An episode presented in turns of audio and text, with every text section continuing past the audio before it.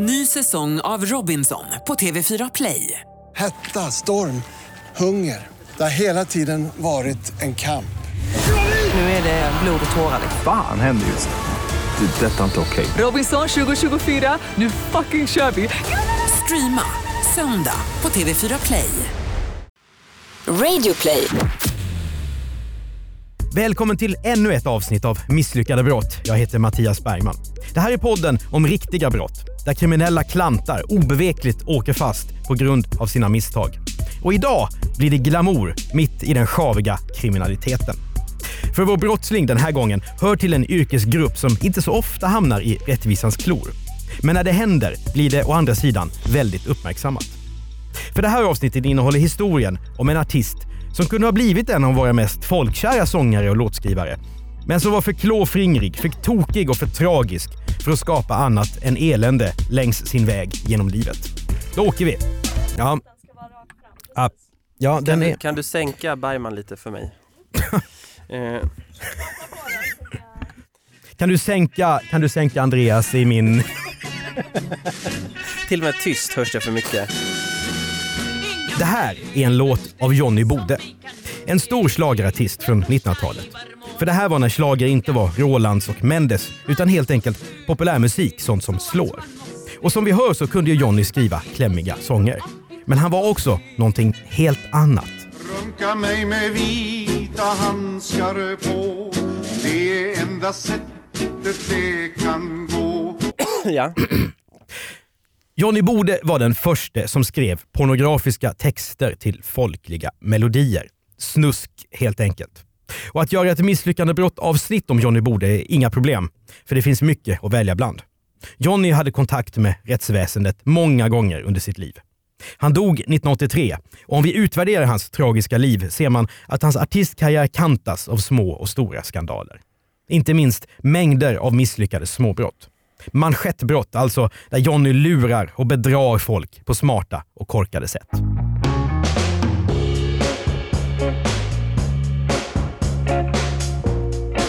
Ja, Johnny lever ett liv i höga vågor och djupa dalar.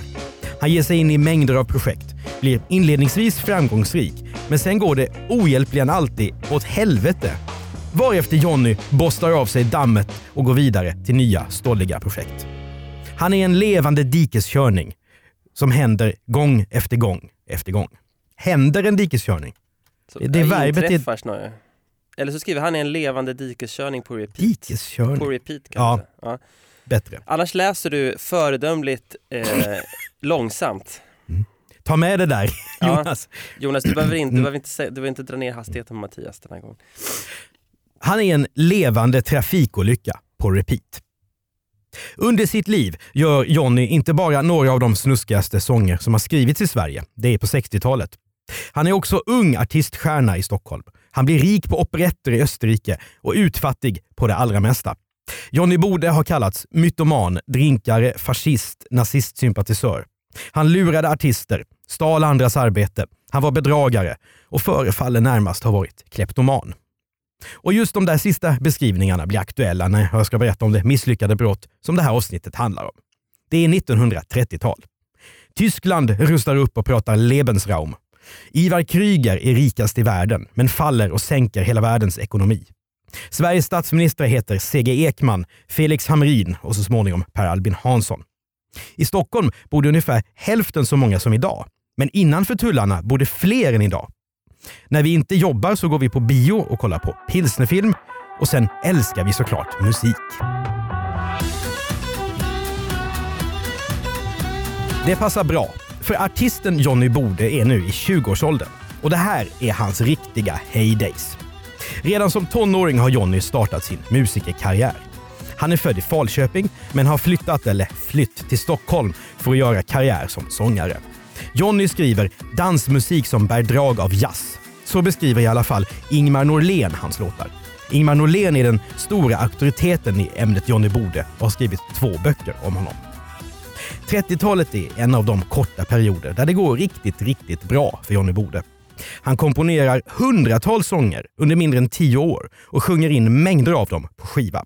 1930 spelar han till exempel in 38 sånger på två dagar. Han blir en plattskärmör med sångtitlar som Min längtan är du, Någon gång någonstans någon vår, Du skall akta dig för kvinnan eller Din kyss och dig att ge den åt. Men Johnnys mörka stråk i själen ska snart göra sig påminda. Och om han är otrygg så är det inte så konstigt. Hans barndom har präglats av en frånvarande far och trots att han har en styvfar som försöker hjälpa honom är han tidigt vind för våg. Johnny uppges ha fått smak på alkohol redan som liten pojke. Han har gått om två klasser i skolan och där hade han svårast för språk, även om han sen ska bli textförfattare. Han fick själv ett barn redan som 16-åring, vilket han fullständigt struntar i. Men det hinner vi inte gå in på mer nu. Det kanske dröjer, men förr eller senare dyker i alla fall fast trafiken från Töreboda upp i vimlet. Och att era 27 fordringsägare håller en konstant palaver just här, det upptäcker ni genast. Festandet i Stockholms innerstad är inte alls något 2000-talsfenomen. För den gränslöse Johnny Bode bedriver nämligen ett fartfyllt, färgstarkt och rejält destruktivt leverne i stan. Han är som våra tiders stekare och går från krog till krog, från musikstudio till musikstudio, alltid med fart och fläkt. Johnny är såklart en riktig starfucker och älskar att frottera sig med tidens artistelit. Han umgås med de stora som Åke Söderblom, Fröken förstår, vi har inte tid att lätta när som helst så vi måste ju vara ombord. Nu sitter ni i samma båt så nu är det bara att följa med. Tutta Roy Jag börjar leva förstår du.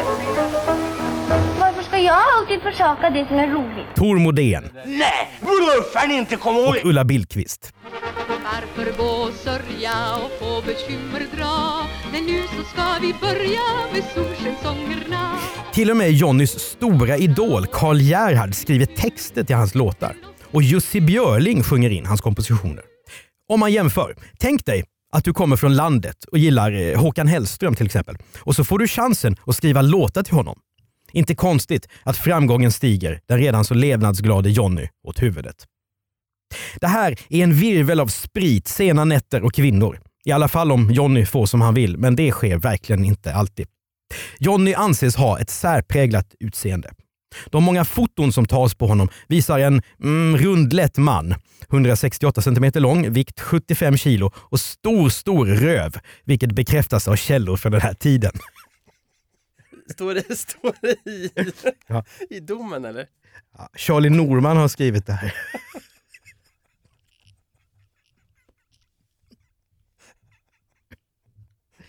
Han har hög panna, vågigt snedkammat hår, lätt beslöjade ögon med hängande ögonlock, dubbelhaka och runda kinder. Johnny framställs också som feminin, vilket man ser i karikatyrer där han avbildas med ögonskugga och läppstiftsmörka läppar. Johnny super som ett svin på ren svenska. När han jobbar med sina artistkollegor sker det ofta på natten och med en flaska på bordet. Frukost äter han aldrig och ibland kommer han till studion så bakfull att han sjunger släpigt och falskt. Senare ska han säga att han till och med har drabbats av hallucinationer på fyllan. Kokain tog jag som snus, berättar han. Och så har det varit både morfin, opium och starka sömnmedel med i bilden. Nu ska sägas att allt som Johnny Bode själv har sagt om sitt liv måste tas med en stor nypa salt. Han ljuger oförblommerat om nästan vad som helst. Johnny anlände till spelningarna i en stil som inte står bling-blingiga rappare från 2000-talet långt efter. I hästdroska, utklädd till gammaldags teaterdirektör i frack, hög hatt och cigarr. Han tjänar mycket, mycket pengar, men gör av med ännu mer. Det utsvävande livet skapar ebb i kassan. Inte minst för att Johnny vill vara flott och ofta bjuder sina dryckeskompisar på överdådiga blöta middagar på tidens innekrogar som Strand och Cecil. Om hans egen plånbok tillfälligtvis är tom, och det är den ofta, ser Johnny till att någon annan får ta notan. Ett skivbolag eller en artistmanager av något slag. Problemet är att det är långt ifrån alltid som de har godkänt det i förväg. Faktiskt nästan aldrig. Och här blir Johnny kriminell. Man får inte skriva upp notan på någon annan om den inte har gått med på att betala. Det är magstarkt, till och med för underhållningsbranschens makthavare som är vana vid att artisterna är svåra att styra och kör sitt eget race. Och nu ska Johnnys liv under ett par år kring 1935 kantas av en småfånig, urkorkad brottslighet. Han, som är ungefär 23 år, smiter från notor genom sin otroliga övertalningsförmåga. Och snart ska han till och med börja stjäla från sina vänner. Det håller honom flytande ett tag, men det kommer oundvikligen att sluta i ett misslyckat brott.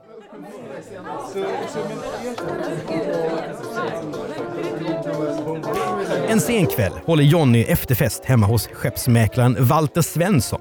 Ja, Jonny har till och med med sig en frusen korvgubbe och dennes häst upp i våningen. Vilket dock får sitt slut när polisen kommer och den gnäggande hästen avslöjar sig trots att de har gömt honom bakom ett draperi. Dagen efter festen så går den antagligen grovt bakfulle Jonny till pantbanken med ett fickur med guldkedja.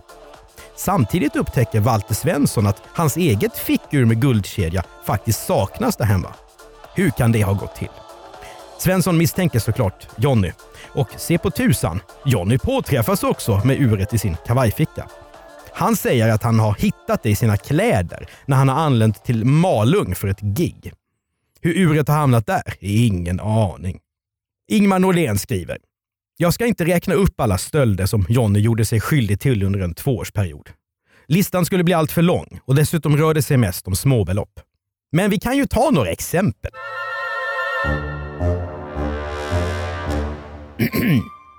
Jonny snor från musikförlag som han jobbat med. Han nallar en matta på dansrestaurangen Bal Palais. Men det finns så många vittnesmål och rykten om hur det går till så det kan vi inte reda ut här. Han går också till sin vän, filmregissören Weiler Hildebrand och snor 26 pantkvitton av honom. Det är alltså dokument som är värda pengar för att Weiler har pantat in något arvegods när han har varit pank. Sen lånar Jonny på pantkvittona, 22 kronor, och lägger tillbaka dem. När Jonny är på turné så åker han hem till sin hårt prövade styvfar, snor alla hans tavlor och säljer dem på pantbank. Han smiter från hotellnotor när han reser runt i landet och sjunger. Han går på krogen med en kvinna, men så norpar han hennes luxuösa päls i garderoben. När Johnny springer ut genom restaurangens dörr med pälsen i famnen blir han övermannad av några ögonvittnen på Nybroplan, där Dramaten ligger. Johnny säger att han är den kände valskungen Fred Winters son och snyltar på dennes hotellnota. Winter suckar och fnyser i hotellreceptionen att Johnny inte alls är hans barn. Han är ett hittebarn, säger Fred. Och låtskrivarnas branschorganisation SKAP, där Jonny själv är medlem, de får en krogräkning som Jonny har skrivit på. Men det har han ju ingen rätt att göra.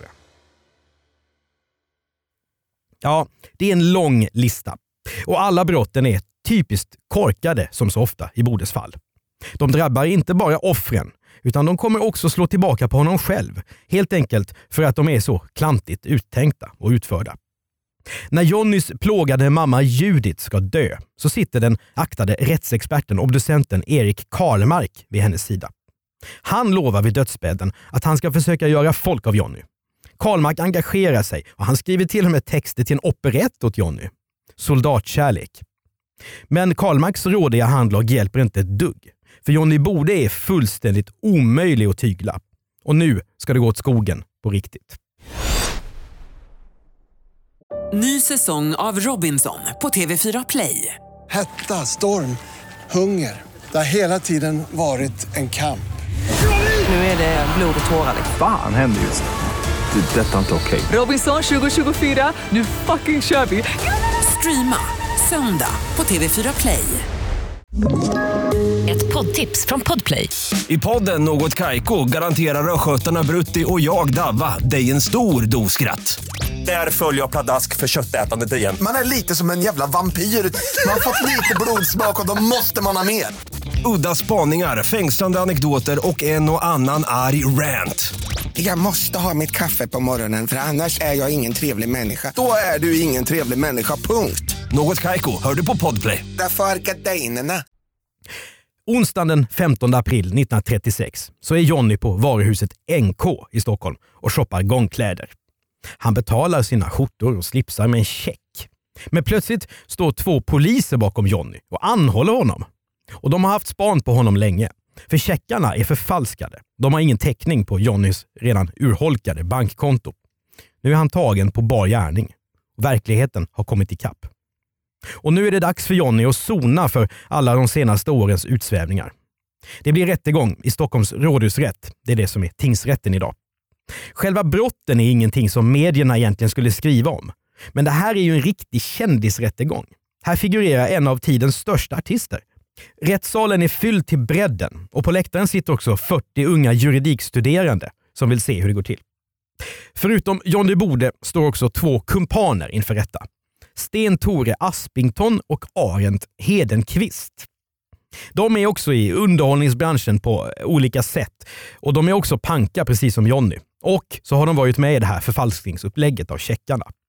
De grips sedan Jonny antagligen har kallat på dem. Även om vi som gör misslyckade brott är vana vid att läsa domar och förundersökningar så är det någonting speciellt med fallet Jonny Bode. För med tanke på att det här handlar om relativt enkla brott som checkbedrägerier och stölder så är dokumentationen väldigt omfattande. Det är på flera hundra sidor. Och högen med domen och bilagor, uttalanden och förhör är fem centimeter tjock. Och utredningen kommer att berätta mycket både om samhället på 1930-talet och om Johnnys tragiska figur. I domen finns det mängder av inlagor där Stockholms nöjesdirektörer och artister uttalar sig om Johnny. Och Det står att visserligen är han en duktig kompositör och sångare, men så är det ju det här att han ofta ljuger. Och ljuger dåligt. Till exempel har han sagt att han umgås mycket med kungahuset. Johnny verkar också spänd och överdriven, tycker hans omgivning. Kanske spelar den hårda livsföringen in här.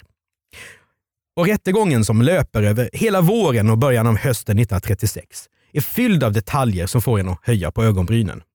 Den åtalade Aspington han säger att Johnny har sagt sig planera att åka till Ryssland med stulna militära dokument.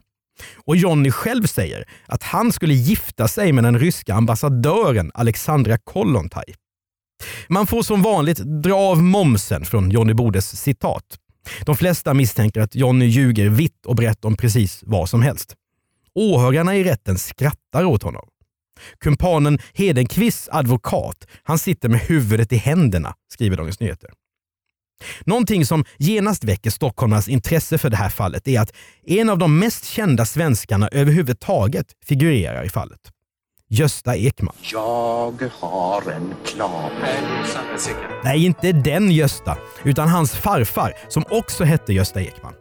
Han är tidens största skådespelare från film och teater och en superkändis. Jonny har lyckats bli kompis med Göstas son Hasse Ekman som sen också ska bli en stor filmregissör. Jonny och Hasse har skrivit sången En herre i frack tillsammans. Och den får de Gösta att sjunga in. En instant classic. Livet är så tjusande, så underbart rikt brusande om blott det leves rätt. Glöm allt trist och vardagsgrått, allt tråkigt och fult, allt dumt och smått, så blir eh, allting så lätt. Som vän till familjen Ekman hänger Jonny i Göstas jättevåning på Erik Dahlbergs allén på Östermalm i Stockholm. Och nu är han verkligen nära eliten. Men han kan ju inte hålla fingrarna i styr. Först försöker han panta in två gamla silverfat som han snor ur Gösta Ekmans våning. Men det visar sig vara fel silver så han får bara 10 spänn för dem. Men några dagar senare kommer han tillbaka till pantbanken med riktigt matsilver från Gösta Ekmans glamorösa vitrin. Men då fattar såklart pantbanken misstankar. Så en av åtalspunkterna i det här lite lätt groteska målet är just att Jonny ska ha stulit 12 silverskedar av Gösta Ekman. Även om Ekman själv vill tysta ner alltihop och lösa det utan en anmälan. Men sen är det ju också allt det andra i den här domen. Det är Walter Svenssons fickur med guldkedja. Vi minns ju efterfesten med den där hästen. En matta som är stulen från musikbolaget Mikropress och 20 spänn som är borta ur ett kassaskåp på ett annat musikförlag. 140 kronor har rövats från skådespelaren Åke Söderblom. En skrivmaskin har Jonny tydligen snott från Veile Hildebrand, regissören, och den har han pantsatt för en hundring. Sen var det den där gången när Jonny försökt köpa en bil i en annan persons namn genom att kumpanen Hedenqvist har härmat personens röst i telefon för att lura bilsäljaren. Och det där när de förfalskade postgiroväxlar, som då är värda pengar, genom att trycka dit en ny företagslogga med ett leksakstryckeri på växlarna. Jonny har skrivit på växlarna i sitt eget namn. Han är alltså inte bara förslagen, utan samtidigt oerhört obetänksam. Sen kommer vi till domen. Sten-Tore Aspington döms till dagsböter för delaktighet i bedrägeri och Arent Hedenqvist han döms också till dagsböter och tre månaders straffarbete. Men Jonny, han döms att sinnesundersökas på fängelset på Långholmen, där han redan sitter i häkte. Rätten misstänker att han inte är psykiskt frisk och då kan han inte sitta av straffet i fängelse. Nu ska läkare gå till botten med hur han egentligen mår. När jag ser tillbaka på allting så finner jag det själv lustigt att jag har begått stölder och dylikt, även vid tillfällen då jag faktiskt själv haft mycket gott om pengar. Men jag kan inte själv förklara saken, säger Jonny. Medierna har rapporterat löpande från rättegången och Dagens Nyheter, Sveriges malligaste tidning redan då, de har rubriker som “Polisen tog ung sångare på varuhus”, “Borde spion säger kumpan”, citatet “Jag är inte riktigt klok”, såklart “Borde bestal Gösta Ekman”, “Johnny Bode är ironisk” och till slut “Johnny Bode på sinnessjukhus”.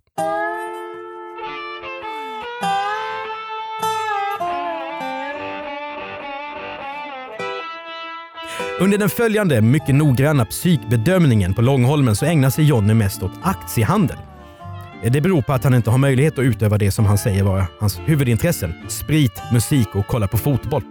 Utan hans styvfar får placera pengar i amerikanska Chrysler-aktier. Johnny går ner i vikt, men inte beror det på någon dålig fängelsemat inte. För hans schlagervän Svasse Bergqvist ser till att det budas lyxmat från Stockholms finkrogar in till Johnnys cell. Nu intervjuas alla viktigare personer som Johnny har mött ända sedan sin barndom. Hans moster, styvfar, lärare, rektorer och uppdragsgivare. De berättar att han är ovanligt produktiv, alltid har velat roa sin omgivning, men uppfattas som hysterisk. Att han var snäll som barn, men att det helt enkelt har spårat ur. När man läser om vad domen då får för följder för Johnny Bode så blir man beklämd. För sinnesundersökningen ska leda till att han stämplas som 5-5 och alltså inte kan dömas till fängelse för att han är psykiskt sjuk. Det här ska följa honom i många år i hur samhället ser på honom. Han vårdas som psykvårdad och han blir också tvångssteriliserad. Staten tycker inte att han är folkmaterial nog och får tillåtelse att skaffa barn, utan skär av sädesledarna på honom. Och själva utredningen av Johnnys mentala hälsa präglas också av 1930-talets syn på psykisk ohälsa. Johnnys fysiska utseende bedöms noggrant och i allt annat än neutrala ordalag. Hans kropp kallas infantil. Underbenen har samma ställning som hos barn de första levnadsåren. Hans skalle mäts och stor vikt läggs vid hur hans kön ser ut. Han klär sig extravagant men knappast smakfullt, står det. Och han har det så slarvigt på sitt rum på Långholmen att personalen måste städa extra ofta. Det får man inte göra i folkhemmet. Han anses barnslig eftersom han berättar att han har sparat sina dockor. Inte konstigt kanske med tanke på hans ensamma barndom. Johnnys drag beskrivs som feminina och det är inte till hans fördel. Kan det vara så att han är bisexuell? Det är olagligt på den här tiden. Alla detaljer måste redas ut. Att ligga med någon av samma kön anses som psykiskt klent. Johnny skryter tyvärr ofta i undersökningarna och det ställer såklart till det för honom. Han framstår som stolt över att han har haft gonorré mer än tio gånger. Han beskrivs som sorglös, uppspelt, självbelåten och skrytsam. Tydligen är han förlovad med en 18-årig dansk flickvän som dock inte kommer på något besök. Jonny säger till läkarna att han tror att han snart är ute och står inför en fortsatt lysande karriär med massor av pengar. Men icke. I oktober 1936 bedöms han behöva vård på sinnessjukhus och flyttas till Sankt Sigfrid i Växjö. Att Johnny Bode är en misslyckad brottsling är helt klart, men var han också en ond brottsling? Ah, här måste man nog ha två tankar i huvudet samtidigt när man bedömer honom.